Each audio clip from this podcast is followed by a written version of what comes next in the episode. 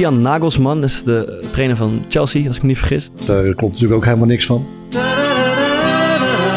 Ah, niet normaal, man. Hij, uh, hij roept maar te pas en te onpas allerlei dingen. Ik krijg er zelf nooit echt mijn vinger achter. Of het nou een genie is of ook een beetje een idioot uh, op zijn tijd. Je had weer eens wat beter onderzoek moeten doen voordat je met, uh, met statements kwam. hoe ziet het eruit? Hard werken? Is dat de... Hij, hij, mist daar een heleboel in. Dan zou hij heel veel in kunnen verbeteren. Maar ja. Dat hebben we even, even gelaten voor wat het is.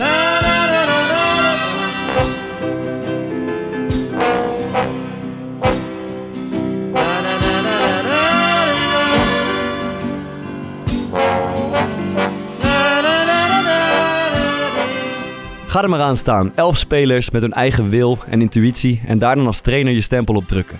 Op de PlayStation lijkt het zo makkelijk, maar in werkelijkheid een hels karwei. Sommigen zeggen vergeet het maar, een trainer is simpelweg zo goed als zijn materiaal. En zet Bassi en Adriaan voor de groep bij Real Madrid en ze worden ook fluitend kampioen, hoor je dan. Maar toch, we kennen Guardiola voetbal en Simeone voetbal. Trainers die hun handtekening op de ploeg hebben gezet. Hoe moeilijk dat is, dat bespreken we met een coach die mocht schaven aan Thomas Müller en aan Iniesta, maar ook aan Frank Korpershoek en aan Kleiner Plet. Vandaag de gast, Telstar-trainer Andries Jonker. Goedemiddag. Goedemiddag. Um, ja, Thomas en ik moeten, laten beginnen. Wij moeten even onze, ik denk onze excuses aanbieden, omdat we een paar minuutjes te laat waren uh, bij deze aflevering, waar jij zelf al klaar stond. Uh, wat, zou dat in, uh, wat zou dat in Duitsland betekenen voor ons? Nou ja, toen ik bij Wolfsburg kwam, zei van de eerste dag kwam een speler te laat, voorkomen in paniek. Dat kwam hij naar me toe en zijn excuus heel verkeerde aanbieden. Ik zei, wat maak je je druk man? Wat is er aan de hand? Ja, dat kost me 12.000 euro. Dat ik 12 minuten te laat ben. Ik zei, ja, hoezo dan? Ja, dat, dat, dat is toch wat we moeten betalen. Ik zei, ja, maar dat was bij de vorige trainer. Bij mij moet je gewoon op tijd komen. Ja. En als je niet op tijd bent, dan kon je mij vertellen waarom je te laat bent. Ja. En dan hoor je wel van mij wat verder het gevolg is. Zeg maar die 12.000 euro laten we nu maar even zitten. Okay. Vertel nou eens waarom je te laat komt. Even geluk dat we jou hebben uitgenodigd vandaag. En, uh, Anders was Thomas ja, die Thomas Ferrari naast me is vandaag 15 minuten te laat. Dus als ja. er nou zometeen geen heel goed excuus komt, zullen we ons toch aan het boetetarief moeten houden. Zeg het maar toch. Uh, nee, ik heb geen goed excuus. Ik uh, Jammer. ben uh, te laat weggereden bij Excelsior en ook nog in de file terechtgekomen. Dus ik denk, ik denk, niet dat je daarmee, dat je daarmee wegkomt. Dus jij gooit de, de boetepot vol zometeen? Ja, ja, ja. Okay, ja. Okay. Ben jij een reislustig uh, man? Ja, ik heb natuurlijk wel een paar uh, jobs gehad waarbij ik heel veel heb gereisd en heb moeten reizen. En ik, uh, ik heb daar altijd wel van genoten. het moet niet te veel worden. Ja. Maar het, het zien van andere oorden, andere landen, ander voetbal. Ja, ja dat, dat is een deel van mijn leven. Als je zo naar Maarten kijkt, uh, ja, hij zit in een soort, wat is het, een Finse sauna lijkt het. In, uh, waar ben je inmiddels? Ik zit nu in Puerto Viejo, helemaal het noordoosten van, uh, zonder in al te veel details te treden, want ik zag Chris Segers als ondertussen ook echt eens gaan volgen op Instagram, dus ik zal het wat korter houden. Klopt, kort en bondig graag. Ja. Maar uh, ja, zie jij, had het, uh, Anders had het over veel voetbal, mooie voetbalculturen zien in het buitenland. Heb je, zie jij iets van voetbal in het buitenland? Ja, ik zie wel voetbalveldjes, maar niet heel veel mensen die, uh, die voetballen. En ik moet zeggen, ik, uh, ja, ik ben nu twee weken met drie vrouwen op reis geweest. Zijn er nu nog twee over. Ja. Dan komt er niet heel veel, heel veel voetbal aan de pas. Dan moet je meer gewoon uh, functioneren als een soort van stand-in fotograaf. En af en toe je oren dichtknopen.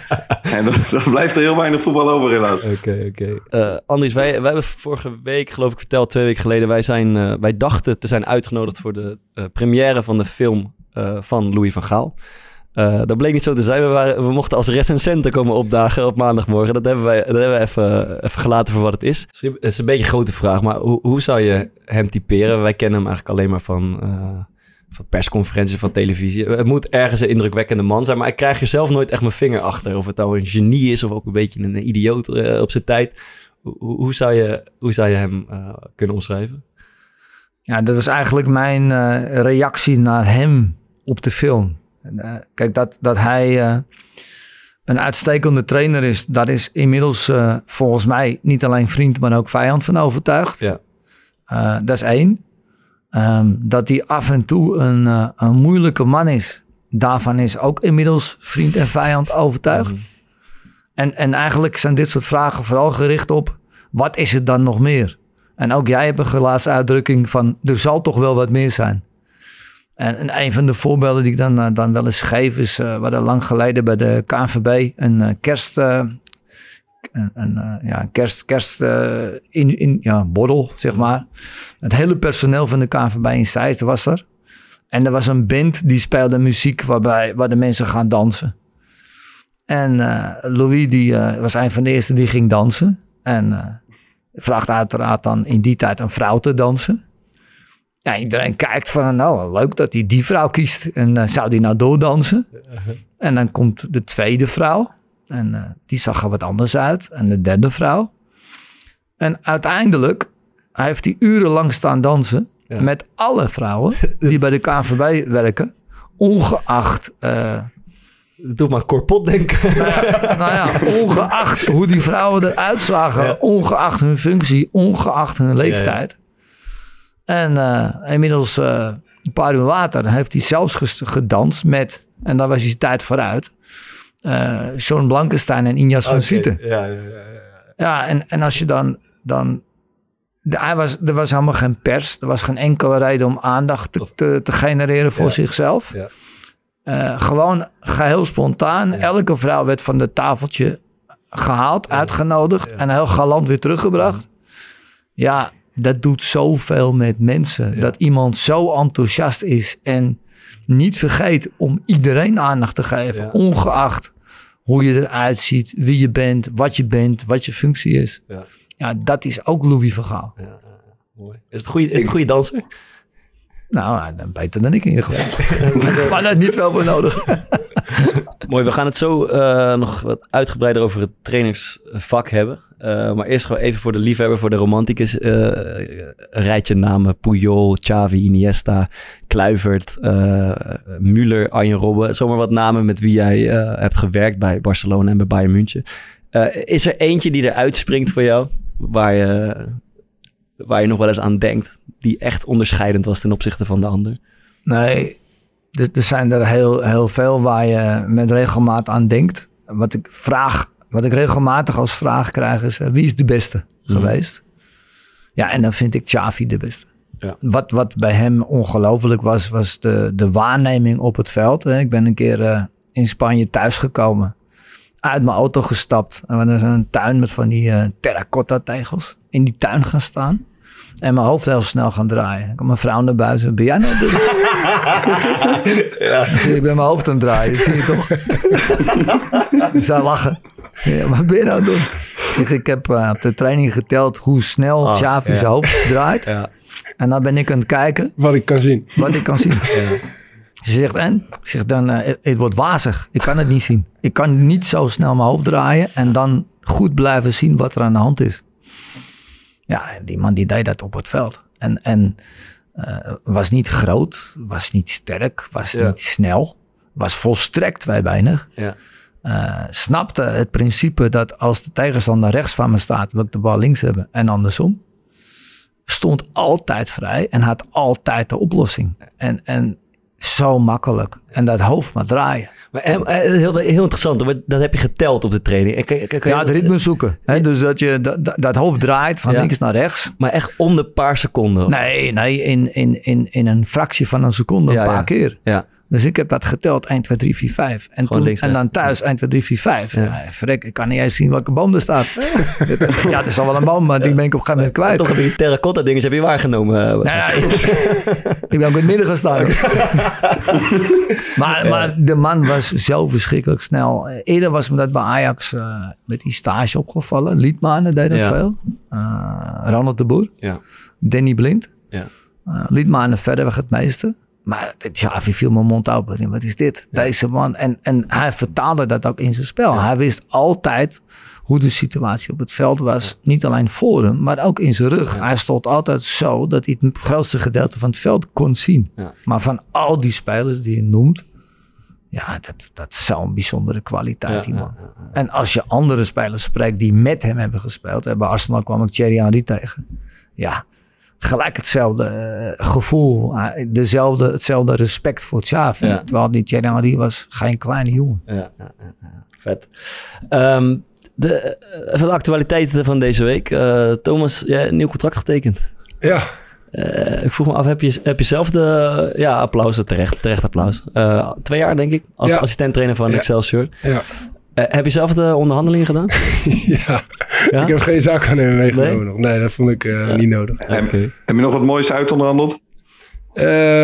nee, eigenlijk, eigenlijk niet. Kom je ook als jullie wel... tegen Telstar moeten spelen? Kom je dan ook? Ik heb het... Ik heb... nou ja, ik, ik, ik, dacht dat we het lek boven hadden tegen Telstar, zei ik al vorige keer uh, toen, toen we elkaar spraken. Maar uh, we hebben de afgelopen jaren vaak van Telstar verloren dan gewonnen, volgens mij. Maar uh, nee, ik heb niks uitonderhandeld eigenlijk. Ik heb het wel geprobeerd, maar er is bitter weinig van terecht Ik vraag dit even, maar, want het is, toch zijn er wat details van je contact uitgelekt door... voetbalzone, zag ik, voetbalzone. Door, door wat klokkenluiders. ik zeg maar wat, je mag zelf blijven voetballen op zaterdag. Uh, en niet onbelangrijk, één papa-dag per week. Hij heeft één papa-dag per week uit onderhandeld. Dus daarom vroeg ik, heb je, heb je je zaakwaarnemer, heb, heb je Madelon als Ik denk dat Madelon zijn zaakwaarnemer is. ik denk ja, Madelon de onderhandeling gedaan te hebben. En kom je die andere dag op tijd dan? ja, normaal ben ik daar wel op tijd. Nee, ja, uh, ja, ik, ik kon gewoon niet, uh, niet anders. Ik heb, eh, toen ik die uh, gesprekken startte, heb ik gelijk de crash gemaild van... Hebben jullie nog plek op, op de donderdag? Want daar heb ik nu de... Maar die hadden geen plek meer. Okay. Dus het was zowel praktisch als, als financieel wel, wel het beste... om dan één dag in de week thuis te zijn. Maar de rest van de tijd ben ik, maar, ben ik er wel altijd bij. Maar jij, jij zei, want ik word nu voltijds assistent. Maar als ik dan een papadag tel, ik tel de zaterdag. Nee, nee, nee, nee, nee, De, de zondag is denk ik Nee, nee, op zaterdag ben ik ook gewoon bij de... Ik ga, ik ga wel nog voetballen, maar... Uh, uh, als ik bij Excelsior moet zijn, dan ben ik bij Excelsior. Niet, uh, niet, dus de, de, prioriteiten liggen heel erg anders dan, uh, dan dat het bijvoorbeeld dit jaar is. Dus dat heb je niet, heb je niet goed bedacht. Oké, okay, okay. je had, weer eens beter onderzoek moeten doen voordat je, voordat je met, met statements kwam. Toch denk ik, ik wel ga... een unicum in het betaald voetballen, het opnemen van een pappadag in een, in een contract. Ja, volgens mij is het nog nooit eerder, bij Excelsior is het nog nooit eerder gebeurd. Maar ik ben blij dat ik, ik ben ook gewoon blij dat ik, dat ik gewoon nog een dag met mijn kinderen heb. Dat vind ik ook ja. belangrijk. Dus uh, nou ja, prima. Dan doen we, laten we een voetbalverhaaltje eh, gaan doen. Ja. Uh, er is weer één binnengekomen. Even voor jouw informatie. We hebben... we vragen luisteraars om af en toe eens iets in te sturen, een mailtje te sturen. Of ze ergens ooit een voetballer of een trainer in het wild zijn tegengekomen. Ah. En of daar dan een verhaaltje aan zit. En daar komt... Uh, er komen een hoop matige verhalen binnen. komt ook, ook tering binnen, maar af, af, en toe raken ze, eens, uh, raken ze wat leuks. Dat kan nog steeds op uh, corepodcast.gmail.com. Uh, mag jij ook ooit doen, uh, Andries, als je een leuk verhaaltje. Maar deze komt van uh, Guus Schutjes. En hij heet Bitterballen met de allerbeste.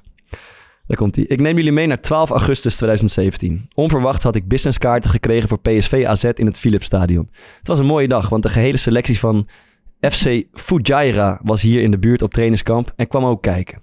De staf was er ook bij. Een eerste divisionist uit de Verenigde Arabische Emiraten, daar kijkt normaal gesproken niemand van op. Maar nu wel, de hoofdtrainer van dienst was namelijk Diego Armando Maradona. De bus van FC Fujairah stapte naast de ingang waar wij ook naar binnen moesten.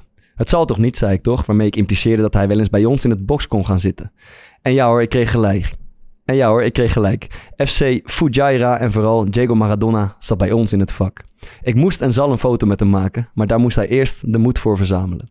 Gelukkig, de gratis biertjes van de bar trokken hem over de streep. Glimlachend stemde hij toe. Zo, glimlachend stemde hij toe. Ik kom mijn geluk niet op. De wedstrijd kon me vanaf dat moment gestolen worden. Ik heb al vaker in deze box gezeten en was bekend met het feit dat drankjes gratis waren, maar het eten bestellen helaas niet mogelijk was. Daar kon maar één iemand verandering in brengen: Diego Maradona. Hoe het precies verliep weet ik niet, maar kennelijk had hij honger en daar moest voor gezorgd worden. Zodoende werd er in de rust een grote schaal met bitterballen bezorgd met bestemming pluisje. Met een brede lach ontving hij deze schaal. En dit was voor mij een onvergetelijk beeld. De grootste voetballer aller tijden, WK-winnaar en uitvinder van de hand van God, genoot zichtbaar van een heerlijke schaal met Brabantse bitterballen. Mijn voetbalseizoen kon niet meer stuk. Weet je wat lekker is bij zo'n schaal bitterballen? zeg het eens, wat, wat is er lekker bij een schaal bitterballen? Eh, en een haatje. ja? Ik denk dat hij die erbij had moeten nemen. Maar misschien moet je zelf ook even je keeltje smeren, vriend. Ja, die apen er toch een keer of vier vijf. Ja, ik, eh, het was uh, met de hakken over de sloot vandaag. Ik ga uh, zo meteen na deze, en nadat ik een prestatie heb gespoord en geleverd, een ISO Lemon naar binnen werken. Kan mijn keeltje wel even smeren. Ja, dat is lekker nadat je een prestatie gesport hebt. Is dat uh, het beste. een iso-lemmetje. Wat is met je aan de hand? Uh, ja, het was een lastig, was een lastig verhaaltje. Maar uh, ik heb oh, proberen er doorheen te slepen. Bij München trainingsveld op, hè? Ik heb dat Maradona? een paar weken overgenomen. En op een gegeven moment Maradona bij het trainingsveld. Wat is dit nou? Waar? Bij Bayern München. Oh, nou. Dus al die spelers, training stopt opeens. Ja. Maradona op het veld. Ja, wat moet ik nou doen? Ja, ik, ga naar, ik kan niet Maradona laten kijken. Dat, ik moet er naartoe. Dus ja, ik zeg, jongens, stop even. Wel, die gasten kijken, wat is dit nou? Is mhm. Maradona bij Bayern Hoe kan dat nou? Wat komt hij doen? Niemand wist van iets. Dus ik loop naar hem toe. Zegt hij, ik ben de dubbelganger hoor. Ah, dat is een teleurstelling. Ja, dat was iedereen helemaal van de kaart. En, uh, ongelooflijk. Dat, dat moet een teleurstelling zijn geweest. Vond, je het goed verhaal? Uh, ja, ik vind het leuk. Dat zijn mooie dingen. ja, natuurlijk. Oké, oké. Uh, dan gaan we het hebben over de, de invloed van de trainer op een elftal. Kijk, het is mooi om even uit te zoomen, want het lijkt me heel complex. Hè? 22 spelers, allemaal uh, eigen karakter, eigen kwaliteiten, heel dynamisch spel. En daar dan als trainer proberen grip op te krijgen. Dat lijkt, me, dat lijkt ons een mooi onderwerp om over te hebben. Um, laat, laten we beginnen met de stelling die je wel eens voorbij hoort komen. Een trainer is zo goed als een materiaal. Hoe denken, hoe denken jullie daarover? Ja, tot op zekere hoogte is dat ook wel zo. Hè? Um, ik begreep uh, laatst van uh, een van de leden van de Raad van Commissarissen van Telstar dat de KNVB een van de resultaten van een onderzoek had gepresenteerd. Waar het bleek dat uh, voor 93% de stand op de ranglijst wordt bepaald door het spelersbudget. Ja, dat, dat zou kunnen. Ja. Maar dat zegt dan nog niks over hoe zo'n team speelt. Ja. natuurlijk is het veel makkelijker met betere spelers. Maar ik denk dat je nog steeds heel veel invloed kunt hebben. Dus ik begrijp de opmerking wel. Want, want uh, bij heel veel teams, als je daarnaar kijkt, dan denk je ja, eh, die spelen 4-3-3 of 4-4-2. Eh, dat kun je herkennen. En verder niks. En in de meeste gevallen is dan ook nog wel te herkennen van als we de bal niet hebben, dan gaan we daar staan of daar staan. En dan houdt het op. Het is, ja, wat wil je als club? Wat wil het publiek? Wat is de keus? En ik denk dat je daar het, het, het, het verschil moet maken. Uh, is een trainer goed in het resultaat halen uit het beschikbare materiaal? Of is een trainer in staat om een ploeg uh, te laten voetballen op de manier die hij voor ogen heeft? En is dat laatste moeilijker dan het eerste? Ja, ik, ik denk dat uh, uh, de oude Michels die zei dat al. In principe is verdedigen makkelijker dan aanvallen. Ja. je, je, team organiseren is makkelijker nou, dan... Daarom is Bart verdediger geworden. ja, absoluut. Ja, Gewoon die ballen wegkoppen, Bart. Ja, dat is absoluut de reden dat je uh, achter is. Ja, nee, maar, maar ik, ik denk dat, dat, dat aanvallen veel moeilijker is. En dat daar ook het verschil gemaakt wordt. En... Ik denk dat aanvallers in de regel ook altijd wel zullen denken... dat ze ook wel een prima verdediger hadden kunnen zijn. is dat andersom ook zo? Weinig, weinig denk ik, weinig. Hoewel veel, ik wel vind, dat is een hele zuidwegje, dat veel aanvallers slecht afwerken voor aanvallers. dus dat, ik zet vaak, je weet, je weet afwerkvormen, verdedigers tegen aanvallers. Je zou denken, spits schiet de meeste binnen en de buitenspelers ook. Nou, de verdedigers winnen dit vrijwel altijd. En dat denk ik altijd, dat vind ik, uh, vind ik nou, Ik geloof nog steeds niet dat jij een goede afwerker bent. Man. Ja, je hebt dat verhaal een keer opgehangen hier, maar dat... Maar ik denk dat het, grote verschil vooral gemaakt wordt bij balbezit. Wat doet een team dan? Zit daar een idee achter? Zie je daar uh, dat een team iets wil. Ja. ja of doet iedereen eigenlijk maar uh, ja, wat die, datgene wat hij als kleine jongen heeft geleerd. Ik speel rechtsback. Ja, dus ben ik naar de goede kleur. Dus kom ik op waar mogelijk. Nou prima, dat is het dan. Ja, uh, bij Ten Hag zie je dat de rechtsback af en toe centrale middenvelder wordt. Af en toe opduikt naast de spits. doet hij niet uit zichzelf. Dat, iemand moet tegen die rechtsback hebben gezegd, luister vriend. Als de mhm. bal daar is, moet jij daarheen. Ja, maar dan zie je dus een hand van een trainer. Ja, Nou, en, en daar worden de verschillen gemaakt in mijn ogen. Daarvan kun je zeggen, ja, die trainer wil dat zijn team op een bepaalde manier speelt. Nou, en dat is de minderheid. Er zijn niet zoveel teams waar je kunt zeggen van... hé, hey, daar zit een, een, een opmerkelijk idee achter. Eh, als trainer, helemaal aan het begin van het seizoen... je begint aan een nieuwe klus bij een, uh, bij een team... Je krijgt een, een lijst met spelers uh, waarvan, je, waarvan je weet dat je ze ter beschikking hebt waar, waar begin je? Ehm, is, het, is het een soort puzzel die gelegd moet worden? En zo ja, waar start je, waar start je dan aan? Want Andries, jij bent ook TD, dus dan, je hebt echt een soort uh, Bruce die fluit van en je hebt echt een soort voetbalmanager eigenlijk. Ja. je, En je bepaalt de trainingen en je mag ik heb zelf vroeger wel veel voetbalmanager gespeeld, maar dan uit frustratie stopte ik altijd al in de voorbereiding. ik was kwijt. ja, dan verloor ik de eerste oefenwedstrijd en dan drukte ik zo die uitknop van de computer in en dan ging boos naar beneden. Ik, ik ging zelf altijd als het allereerste uh, de transfermarkt op op zoek naar gratis buitenkansjes. Uh, dat, was mijn, dat was mijn stap 1. ik weet dat, dat zou direct bij Telstar kan. Dat zou bij Telstar inderdaad ook een beetje werken. maar maar uh, ja, waar, waar, begint zoiets? Waar begint ja. zo'n, uh, het leggen van zo'n puzzel? Ja, ik, ik, in mijn periode bij Arsenal heb ik al die jeugdopleidingen voorbij zien komen in de Europese top. En ik denk dat er maar eigenlijk maar twee Europese clubs zijn. Daar, wordt, daar is bepaald hoe er gespeeld wordt. En dat is bij Ajax en dat is bij Barcelona. Dat, als je die teams ziet spelen, en welke leeftijdsgroep dan ook. Als je je shirtjes uit zou doen, dan nog herken je. Hé, hey, dat is Ajax of Barcelona. Ja. En al die anderen, die wisselen uh, naar gelang een hoofdopleiding of een hoofdtrainer dat, dat, dat wil. Ja. Dus die hebben geen eigen identiteit in die mate waarin Ajax en Barcelona dat hebben. Ja, dan gaat het dus om hoe haal je het maximale uit die spelersgroep. En dan moet je kijken wat voor spelers je beschikbaar hebt. En ik denk dat de meeste coaches dat echt doen. Van ja, uh, wat voor spelers heb ik? Heb ik vleugelspitsen? Dan misschien wel met vleugelspitsen, hè, want die heb je. Heb je ze helemaal niet? Ja, dan zou je toch wat anders moeten bedenken. Heb je lopers op die zijkanten? Ja, oké. Okay. Heb je een goede backs? Dan wil die backs toch ook opstellen. Dus ik denk dat je vooral kijkt naar wat voor materiaal heb je. Dan ligt er nog een wens van de club. Uh, wij willen kosten wat kost uh, met Atletico de Champions League spelen. Dat is goed, kosten wat kost. Maar je hebt ook clubs die zeggen, nou ja, wij willen verzorgd aanvallend voetbal spelen. Welk deel is het, is het moeilijkst van het beïnvloeden van een team? Ja, daar waar je vastloopt. Dus, dus wij hebben op dit moment uh, de grootst mogelijke moeite om voorzetten te geven waar aanvallers iets mee kunnen. Die ballen komen steeds maar verkeerd.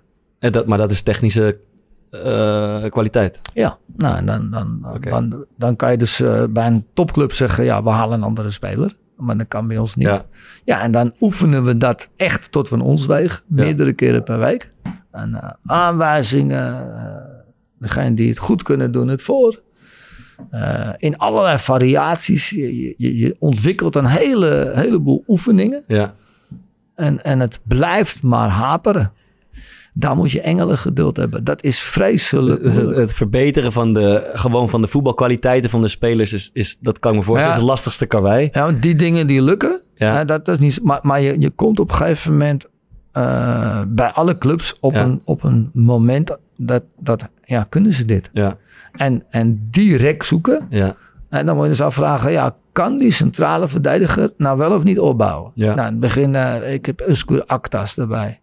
Ja, die mocht de eerste zes weken niet meedoen. Want die schoot van elke tien ballen vijf naar de tegenpartij. Die liet je lopen terwijl de rest de partijen deed. nou ja, die mocht, die mocht de trainingen heel graag meedoen. Maar in de wedstrijden mocht hij niet meedoen. Of die manier, oké. Maar, maar ja, dus dan, dan is de vraag, kan hij het niet? Ja. Of kunnen we met hem werken dat hij het uiteindelijk wel kan? Ja, en, en, en dat vraagt dan uh, eigen wijsheid. Je moet hem niet laten vallen. Dat vraagt doorzetten van hem. Hij moet het niet opgeven. Dat vraagt heel hard werken. Hoe ziet het eruit, hard werken? Is dat de, continu coachen of is dat oefenvormen verzinnen zodat hij er beter in komt? Of hoe, hoe ziet het er dan uit? Nou, dat, dat betekent voor hem uh, met heel veel focus trainen. Zich bewust zijn van datgene wat hij nog niet zo goed kan. Maar dat betekent voor mij als eindverantwoordelijke, ik moet dingen bedenken waardoor hij zich kan ontwikkelen. En mijn, mijn staf moet ik ervan overtuigen. Uh, je moet met hem werken. Ja, en inmiddels hè, vanochtend met het linkerbeen, met de linkerwrijf komen er ook ballen over 30 meter bij de mhm. goede kleur op het goede been. Ja. ja, dat is mooi. Dat geeft voldoening. Maar, dus, en zit hem dat alleen maar in, in techniek en, uh, en, en, tactiek? Of, of zit nee, motivatie. Hij moet het willen leren. Als hij bij zichzelf denkt, ja trainer hou nou eens op man.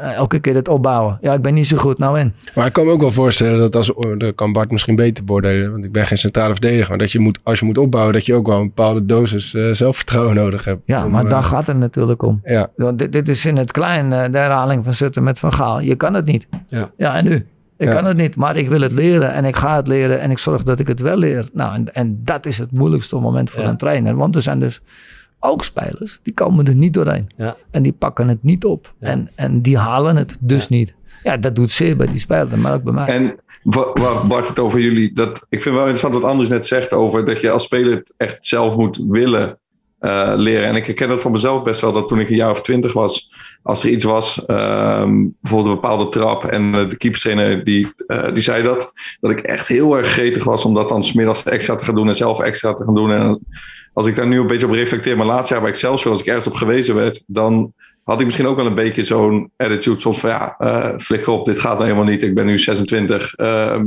ik hoef dit niet zo nodig te leren, denk ik. Hebben jullie dat zelf ook wel eens of niet? Nou, wat ik, uh, wat ik wel interessant vind, daar, daar hebben we het volgens mij ook even kort met, uh, met Daily Blind over gehad in de uitzending. Het gaat over, je wil eigenlijk dat spelers in een situatie komen waarin ze fouten gaan maken. Toch? Dat, ze, dat, dat zijn oncomfortabele situaties. En spelers willen dat op zich ook wel. Maar als, wat we, waar we vaak tegen aanlopen volgens mij... is dat het ook zo is dat de trainer uh, dat wel aangeeft, maar na twee fouten gefrustreerd raakt. Hè, dus we, hebben, uh, de, de, Daily vertelde het ook. Heel vaak hoor je trainers zeggen: je moet fouten maken, je moet durven fouten maken. Maar eigenlijk mag het niet fout gaan. Want uh, je, je schopt ook een beetje de plannen van de trainer omver. Je verstoort de opbouw bijvoorbeeld. Je verstoort een, een aanval als je een fout maakt. Um, en dat is wel een interessant spel, zeg maar, als trainer. Want je zegt dat ik moet geduld opbrengen. Maar dat betekent ook dat je moet accepteren dat die jongen die je net aan had... misschien wel vijf keer jouw uh, droomaanval verpest. Of misschien wel zeven keer. Of misschien wel punten kost in de wedstrijd op vrijdagavond. Uh, allemaal, dat, is wel... is precies wat er allemaal gebeurt. Maar, maar hoe... Um, want wij hebben dat heel vaak... Alle trainers, denk ik, die we hebben gehad... hebben dat zo een beetje min of meer horen zeggen. Hè? Je moet gewoon fouten durven maken. En dan groei je. Dan kom je uit je comfortzone en alles. En eigenlijk willen alle spelers dat ook wel, denk ik. Niet allemaal, dat is waar. Maar ze zeggen het vaak. Ja. Maar we voelen het heel vaak ook niet. Nee, ik, ik denk dat dit engelen geduld vraagt. Alleen, als, uh, als je trainer bent bij Ajax ja, en, krijg je en, er wordt een kampioenschap uh, verwacht ja, ja, En, en, en je wil Gravenberg brengen omdat je daar uh, heel veel vertrouwen in hebt en Gravenberg doet niet wat jij wil, terwijl hij het wel kan in jouw ogen, ja, dan moet hij wachten dan, dan is er geen gelegenheid voor de trainer van Ajax om hem de tijd en de gelegenheid te geven. Want het kost het kampioenschap. En dan kan die trainer zich niet permitteren. daar is de marge heel klein. Ja. Dat, dat, snap ik. Ja, en, en, en aan de andere kant, bij, bij een club als Telstar, waar geen alternatief is. Ja, uh, uh, ik kan uh, voor Actas wel een ander kiezen. Maar je hebt andere problemen. Dus ze hebben allemaal problemen. En, en, wat is voor jou als trainer mooier? Als er meer druk achter zit? Of, uh, of op deze manier dat je, dat, dat je spelers wat meer tijd kan geven om zich te, om zich te ontwikkelen? Ja, ik, ik denk dat dat de reden is dat ik, dat ik me heel goed voel met zowel absolute topspelers als spelers in de marge. Ik vind het allebei, spreekt dat me aan. Ja. Het, het is echt geweldig om met, met zo'n club als Bayern München te, streven naar kampioen worden, beker winnen, supercup winnen, uh, Champions League winnen. Dat is fantastisch. Maar het is ook fantastisch om van die Lada bij Telstar een Formule 1 auto te maken. En op het moment dat dat lukt, geeft dat ook weer een hele grote voldoening. Maar wel een hele andere. Ja, ja snap ik wel. Eh, en, en welk, we hadden het net over welk deel het moeilijkste beïnvloeden is. Welk deel is eigenlijk het makkelijkste uh, te veranderen of te beïnvloeden als trainer? Ja, het, ja ik, Wat gaat het snelst? Ik vind wel, uh, als je op het moment dat je elke dag oefent, dat je een goede kleur speelt, dan zie je dat op een gegeven moment terug. Mm -hmm. En, en dat gaat, dat gaat uh, redelijk gemakkelijk. Want die intentie om naar de goede kleur te spelen, ja, die, die komt als je dat elke dag doet, dan, dan, dan maar, kan je dat niet stoppen. Maar, die, intentie, is toch, die, de intentie heeft om naar de verkeerde kleur te spelen. Nee, of, maar... Of, ik heb, ik heb er wel spelers er wel van verdacht. Of vermoed je een aantal spelers? Nee, maar, maar je, je kan natuurlijk zeggen van, uh, uh, kegel alle ballen maar, uh, maar naar voren en dan zoek het wel uit. Maar op het moment dat je elke dag paas- en trapoefeningen doet, elke dag positiespel speelt, elke dag gerichte partijspelen speelt, ja, dan gaan die spelers, die gaan zichzelf daarmee identificeren. Ja. En die gaan als vanzelf ja. de ballen proberen en de goede kleur te spelen. Dat wil niet zeggen dat het lukt. Maar dat komt er dan wel in. Alleen dan ben je er nog niet. Want we moeten ook nog verdedigen helaas. En we moeten ook nog kansen creëren. En nog afronden. Maar die intentie om tot, een bepaalde manier van voetballen te komen. Dat lukt over het algemeen wel. Ik ga je even een, uh, fragmentje voorleggen. Dat, we hebben de docu uh, even kort besproken. Tussen vis en staal. het gaat een prachtige documentaire van twee doc over, de, over Telstar. En over alle verhalen die daaromheen spelen. Um, jij neemt het woord richting het team. Het gaat over dat jullie een aantal keer op een rij uh, vlak voor tijd een tegentreffer hebben geïncasseerd. Uh, dat gebeurt vier, vijf keer op een rij, geloof ik. En, uh, daar Acht, negen keer. Oh, okay. ik, wou het, ik wou het niet zeggen, maar oké, okay, vooruit. en daar, daar zeg je iets over. Kijk even met z'n Kijk nou even naar wat er gebeurt. Ik heb weer zo'n kauwgompie in, want ik ben mijn stem weer kwijt. Kijk nou wat er gebeurt. We hebben alle tijd. Nog eenmaal. Nog één keer het duel. Nog één keer vasthouden. Nog één keer. Alles geven voor drie punten.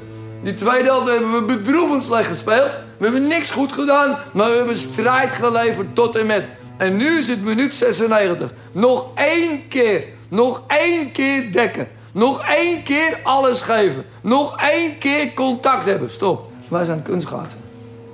Je moet godverde, godverde, godverdomme contact maken. En dan zijn we er bijna. En dan gooien we de dubbel in die bergen erin. Dan zijn we kunstgaat. Vooral niemand aanraken. Niet strijden. Godverde, godverde. Je moet strijden. Dat hebben we nu 88 keer uitgelegd. Ik heb er vannacht nog eens twee uur over nagedacht. Ik kan het jullie niet uitleggen en dan denk ik mezelf kwalijk. Ik krijg het niet in jullie verstand. Ik zou niet meer weten hoe ik dit moet uitleggen. Ik heb het 88 keer uitgelegd. Ik krijg het niet aan jullie verstand. Dit gaat over, dit gaat over de uh, mentaliteitsverandering bijna in het team, denk ik. Ja. Uh, is, dat, uh, is, dat, is dat bijvoorbeeld iets dat niet is gelukt? Nee, in die fase niet. En je, je, je, je doet alles, hè. Dus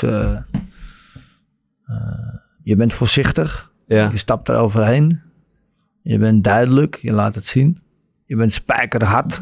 Je pakt degene aan die het fout doet. Je wisselt, degene die drie keer fout doet. Uh, je hebt een assistent die 300 wedstrijden betaald voetbal hebt gespeeld. Als spits en centrale verdediger, Gert-Jan Tameres. Gert, doe jij het eens voor? Hoe deed jij dat dan? Uh, dus je gebruikt alles wat in je gereedschapskist zit. En je bedenkt er ook nog allerlei dingen bij. Trainen, oefenen, uh, bestraffen op de training, als je nu ingaat dan. Belonen op de training, als je niet ingaat dan. Dus je doet alles wat binnen je vermogen ligt.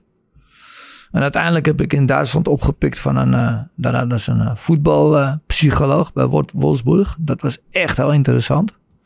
En die zei dat dit soort dingen heeft een reden.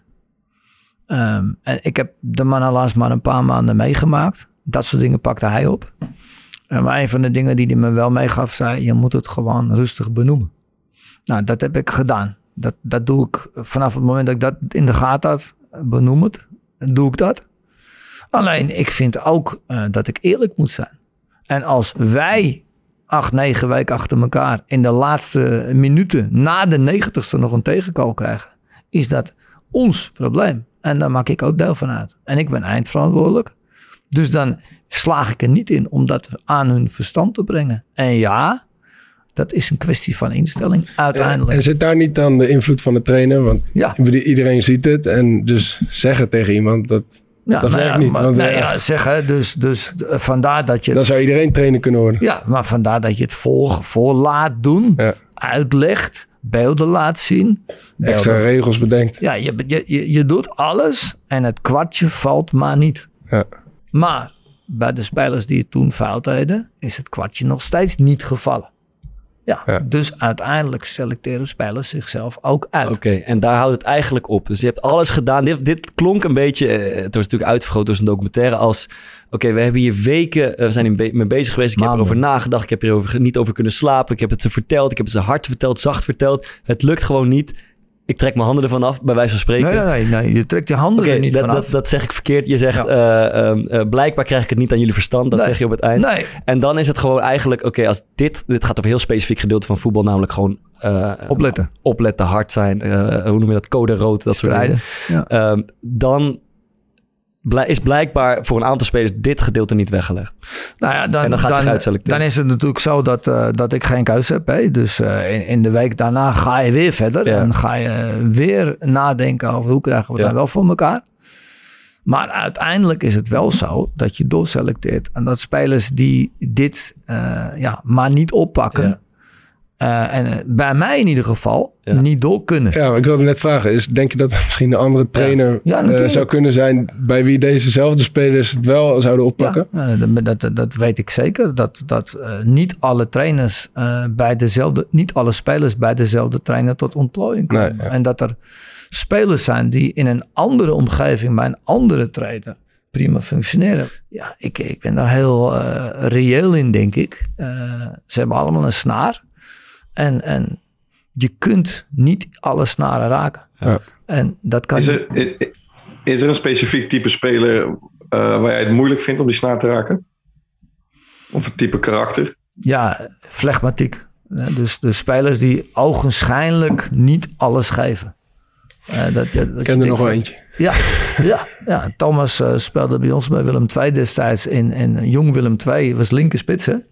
Ja. En, en, en daar straalde nou niet vanaf. Ik ga uh, op maximale snelheid diep. Ik sla, schakel op maximale snelheid om. Hij heeft geen maximale snelheid. Nee, nee, maar dat straalde er ook af. En toen Thomas afhaakte, vond ik dat niet zo gek. Toen ben ik naar me tussen gegaan. Hè? Ja, ja. Maar toen hij later terugkwam, heb ik me echt verbaasd. En toen schoot hij de ene bal naar een andere een bepaalde periode in. Toen dacht ik, ja, dat schot, dat was er wel. Maar al het andere was er niet. En dan heeft hij dan toch onderweg ergens opgepakt. En Thomas speelde in die fase niet bij mij. En was hij, kwam, werd, werd, werd hij gewoon niet voor uitgekozen. Er was ook geen enkele twijfel over binnen de club. Maar uiteindelijk lukt het in een andere situatie wel. Dus ik zeg altijd tegen die jongens, jongens, met mij lukt dit niet als het niet lukt. Maar ga het nou wel bij een ander proberen. Ja. Heb er iets op te zeggen? ja, nee, ja, de, de grootste factor was zelfvertrouwen daarin. Mm. Dus, dus inderdaad, uh, dat, dat, ja, die flegma, dat flegmatieke, dat zit hem vooral in dat je, dat je niet uh, de vrijheid hebt om, uh, om, om gas te geven, zeg maar, in je hoofd. En, en toen ging ik terug naar de amateurs. En daar, daar schoot ik ook de ene na de andere in. En, en, en kon ik gewoon zijn wie ik was. Maar het zit vaak ook in dus, motoriek en hoe je beweegt. Ja, dat sommige spelers, dat oogt heel goed. Zeker. Ja. snel draaien, snel ja. de sprint. Ja, dat is bij mij ook niet. Nee. Dat zit, dat hebben, we, hebben we alle drie niet. Daar zeg ik niks over. Ik vind het heel interessant, want het gaat, we hadden het dus net over iets specifieks. Dat lichten we uit. Dat ging dat over dat winnen van die kopduels in de laatste minuut. Maar dat is maar een heel kleine fractie van eigenlijk alles wat je kan en moet beïnvloeden als trainer. Uh, want je hebt ook gewoon opbouwen en aanvallen, gerichte voorzetten geven, afwerken, goede passing. Al die dingen moet je eigenlijk, dat wil je naar een hoger level brengen. Um, en dat zegt volgens mij iets over de complexiteit van het vak als trainer. Maar wat, waar wel veel spelers tegenaan lopen, denk ik, is dat de trainer, uh, dat ze het gevoel hebben dat de trainer heel veel controle wil uitoefenen op de manier van spelen. Dus dat als een soort PlayStation, dat ze willen, oké, we moeten naar rechts spelen en dan moeten we naar binnen spelen. En dan, zeg maar, een gebrek aan vrijheid. Als speler wil je ook een soort, uh, wat je heel vaak terug hoort in de kleedkamer, um, nog iets met je intuïtie kunnen doen, toch? Of nog iets met je eigen beslissingen kunnen doen. Uh, ben je daarvan bewust als, als trainer dat dat, uh, je hebt zelf natuurlijk ook gevoetbald, dat dat ook iets is wat spelers soms tegenhoudt? Ja, van, uh, ook wel van bewust gemaakt. bij Wolfsburg was Mario Gomez aanvoerder. En die was hij als eerste tegen me. Dat hij af en toe de jonge spelers uitlegde dat ik de opties aanreikte. Maar niet zei wat ze moesten doen. Zij moesten spelen. Een paar weken geleden kwam Plet bij me en die zegt... Ja, ik heb het in de kleedkamer uit moeten leggen. Wat heb je uit moeten leggen? Ja, dat je alleen maar de keuzemogelijkheden, de opties aangeeft. Ja. Dus hij kwam met letterlijk hetzelfde woord als Gomez. Maar wat grappig was, blijkbaar hebben wat spelers tegen Plet en tegen Gomez gezegd... ik heb het gevoel dat die trainer mij forceert in een paar oplossingen. Ja. En, en zowel Plet als Gomez die vonden, die zeiden, of die vonden het nodig om te vertalen wat je eigenlijk bedoelt. Namelijk allebei aanvoerder, allebei oudere spelers. Uh, allebei spelers die wel heel goed snappen eh, wat ik bedoel. Mhm. Maar eerlijk is eerlijk, er zit ook een hele uh, lichte vorm van kritiek in. Hè? Van hey, die trainer die dwingt mij vooruit te spelen. Ja, ja, ja. en aan, aan de ene kant moet dat ook. Want die speler, om hem over die drempel te helpen. Hè, El Jacoubi in dribbelen bij Excelsior. Ja, maar is niet vanzelf gekomen. 85.000 keer tegen El Jacoubi gezegd. Vooruit, vriend. Ja, nu doet hij het wel. Ja, vooruit. Nu, uh, nu af en toe denk ik, hoe, pas op. Ja. Maar, maar uiteindelijk, uiteindelijk is het kwartje gevallen. En hij zal het best een keer vervelend gevonden hebben. Ja, vooruit, vriend. Niet achteruit. Ja. Maar dat, ik heb het idee, want ik zat uh, voor een beetje context, het laatste jaar bij Excelsior moesten door COVID in twee verschillende kleedkamers. Ik zat, was bij de jonge gasten gegooid. Uh, en dit is iets wat daar constant terugkwam. Dat ze echt letterlijk naar me toe kwam van wat bedoelt, moet ik nou iedere keer als de trainer zegt dat ik bijvoorbeeld even veel diep moet gaan, moet ik dan alleen maar diep gaan? Want ik ging nu een keer diep en dan zegt hij ineens, ik moet niet diep gaan. Maar volgens mij is dat voor als jonge speler echt een van de moeilijkste dingen om uh, te filteren wanneer je iets echt moet doen of wanneer iets uh, inderdaad een optie is of um, waar je gebruik van kan maken. En misschien is dat ook wel iets dat sommige trainers uh, bepaalde in de communicatie zo dwingend kunnen overkomen op jonge jongens, dat die ook het gevoel hebben dat er geen ruimte is om alsnog zeg maar, een andere keuze te maken.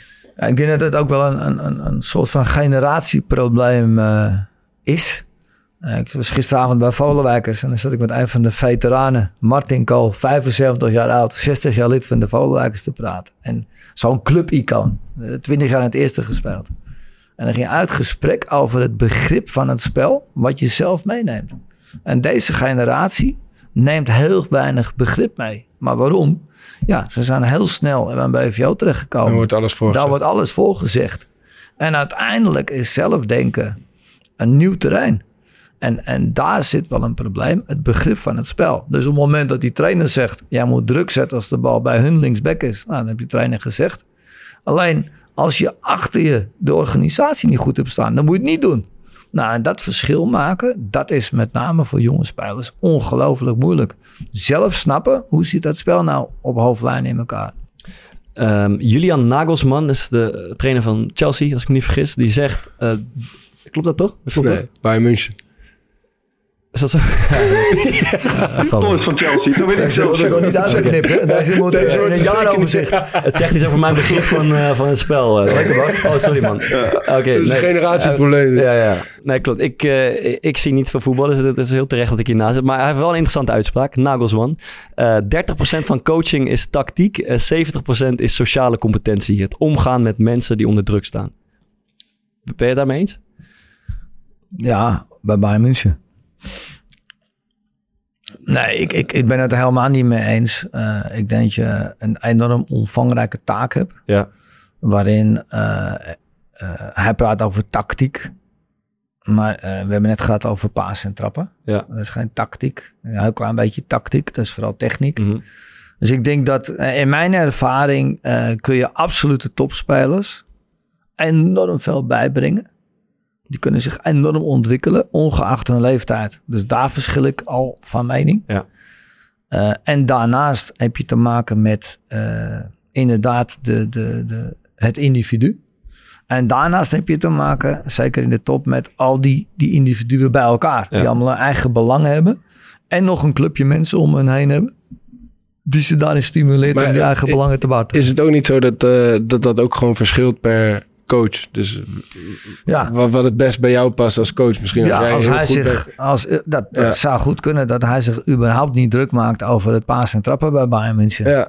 Maar ja. het gaat vooral volgens mij over die 70% sociale competentie. Je kan echt maar van alles, die spelers van alles willen aanreiken op voetbalgebied, op technisch en op tactisch gebied. Maar uh, de juiste snaar weten te raken bij spelers op een juiste manier benaderen.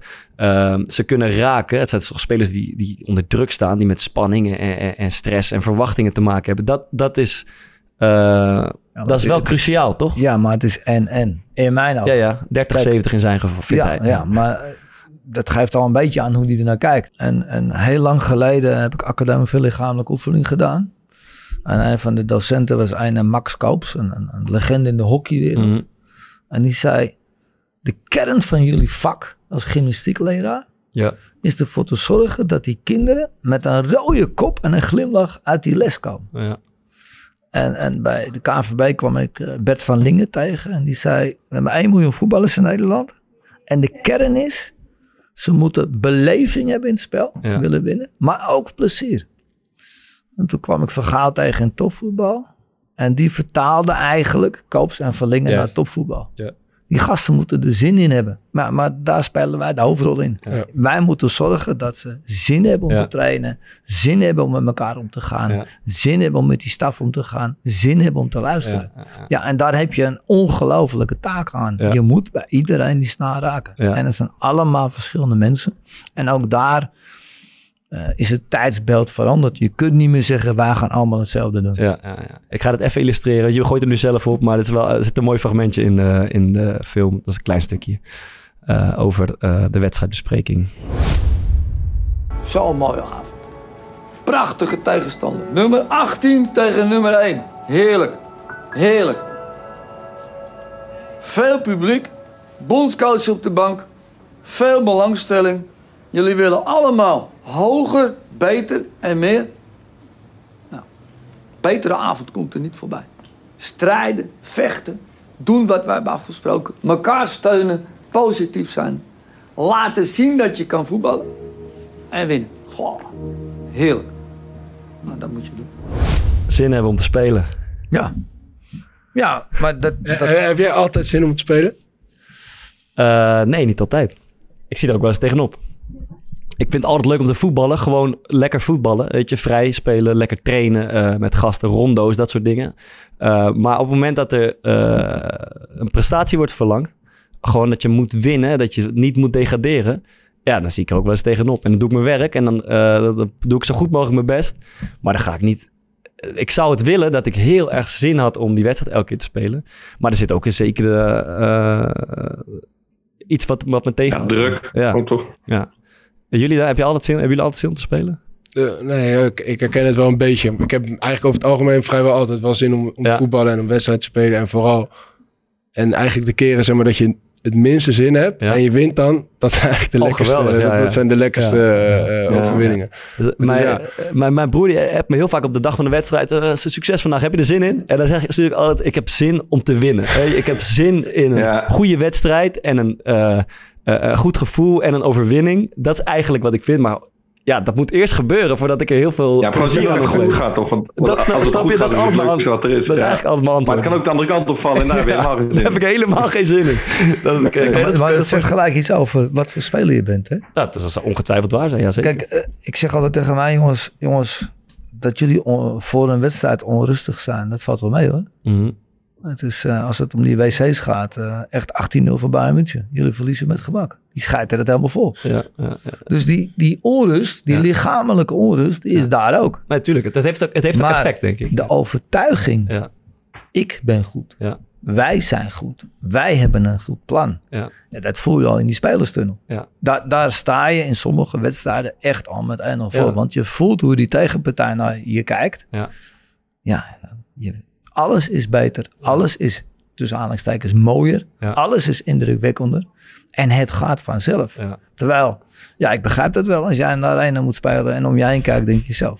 Gaat het wel goed vandaag? Ja, dat begrijp ik wel. Het is een dun lijntje. Want het Ja. is een deel daarvan. En een ander deel is... En dat heb ik, maar daar, de voorwaarde bij mij is dat het wel goed gaat. Hè? Dat Ja. het resultaat oké is, dat mijn goede spel Ja. goed was. En dan, dat is wat Thomas ook Ja. zegt. Er zijn weinig dingen mooier dan eh, goed presteren Ja. met je team. Voelen dat het plan naar buiten komt. Maar- en dan om je heen kijken van tering. Maar, wat, ik probeer die jongens altijd te helpen is, het, je moet die, die lat niet te hoog leggen. Ja. Je moet van jezelf eisen dat je je stinkende best doet. En dan gaan we het zien. Mhm. En, en dan moet je gaan spelen in datgene waar jij goed in bent. Ja. wie gaat dan die kopduels voor jou winnen bij Ajax? Mhm. Wie dan? Eh, weet ik niet. Wie gaat dan over de grond jou in de kleine ruimte passeren? Nou, dat weet ik niet. Ja. En als jij de bal vrij hebt, ga hem dan niet naar de goede kleur spelen? Tuurlijk wel, man. En anders geef je hem een kegel, maar je maakt geen fouten. Zeker. ja. Hey, dus je gaat er voldoende spelen. Ja. Ja, en, en die overtuiging overbrengen op je spelers, dat is waar het om gaat. En van daaruit hoop je dat iedereen er zin in Maar krijgt. dit is toch sociale competentie. Ja. voor een heel toch Ja, sociale maar, competentie maar ik zeg ook... Ik heb er ook al zin in gelijk, moet ik zeggen. Ja, het is lekker. We hebben zin Ik te voel het, spelen. ik voel het helemaal weer. We komen eraan. Dat heb ik gemist al die jaren, man. Ja, ik heb het gemist al die jaren, zei je dat? Ja, ik, ik voel het helemaal. Ik, ik denk, inderdaad, ik kan gewoon altijd een voldoende spelen eigenlijk. Zo, Ja, maar- Hoe moeilijk was het eigenlijk al die tijd? Had je, Ja, de, maar had je ook het nog is de- wel- had je ook nog het- de kleine schoenen elke keer? Nee, maar het is wel echt zo. Als je er een, een heel groot ding van maakt, van die wedstrijd, en dan kan wel alles fout gaan. Maar als je er heel erg opbreekt in van die kleine dingen. Ik Ja. herinner me het weer vroeger, dat werkt heel erg goed. Ja. Want als je het allemaal los gaat doen, bijvoorbeeld keeper met een hoge bal, wie gaat jou kloppen met een hoge bal? Ja, waarschijnlijk niemand. Wie gaat er vanaf 20 meter uit scoren? Ja, waarschijnlijk niemand. Maar als je dat niet stap voor stap zeg maar, bekijkt, het grote plaatje, dan denk je, wat dan kan eigenlijk echt een hele hoop misgaan. Ja, ja, ja. Maar dat is dus de kunst om, om al die spelers eh, in de top, top tegen top komt die eh, angst ook. Hè? En Dus, dus in de absolute topwedstrijden wordt het anders. Maar er zijn heel veel wedstrijden dat die mannen gewoon zeker weten, ja, maar wij zijn beter. ja. En in die zin vond ik het ook het makkelijkste coachen was Bayern München. Want als ik die opstellingen van tevoren vergeleek, dan dacht ik, nou ja, Leverkusen.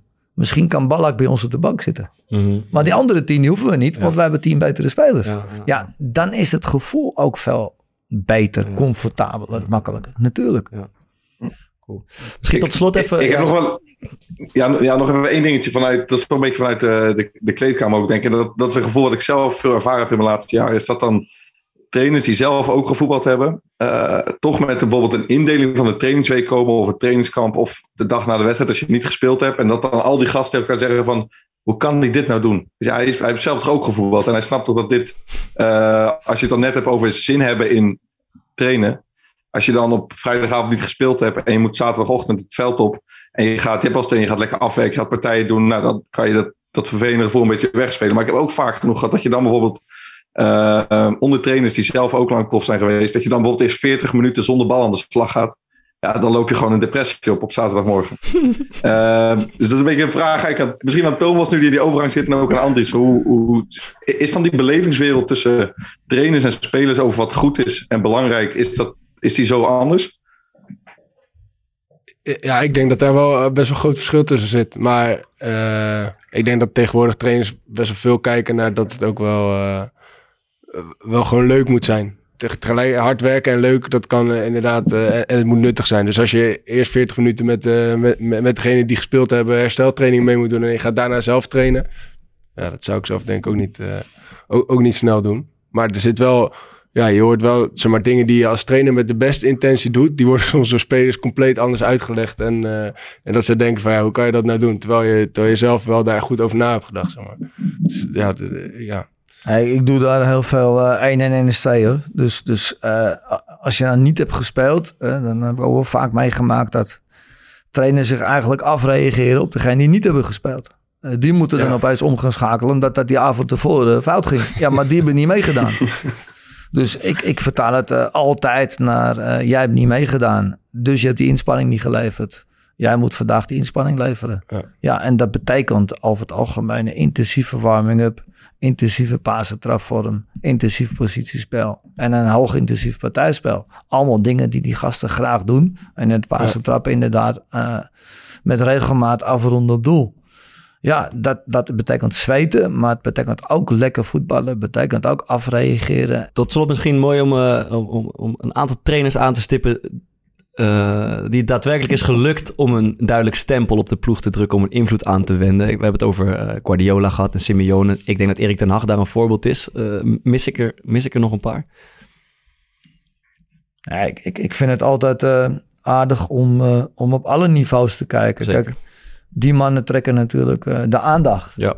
Maar ik heb uh, echt uh, heel, heel, heel veel vertrouwen in uh, Van Nistelrooy bij PSV. Mm -hmm. dat, dat jong PSV is echt voetballend. Ja. Een van de beste ploegen in, in de keukenkampioen-divisie.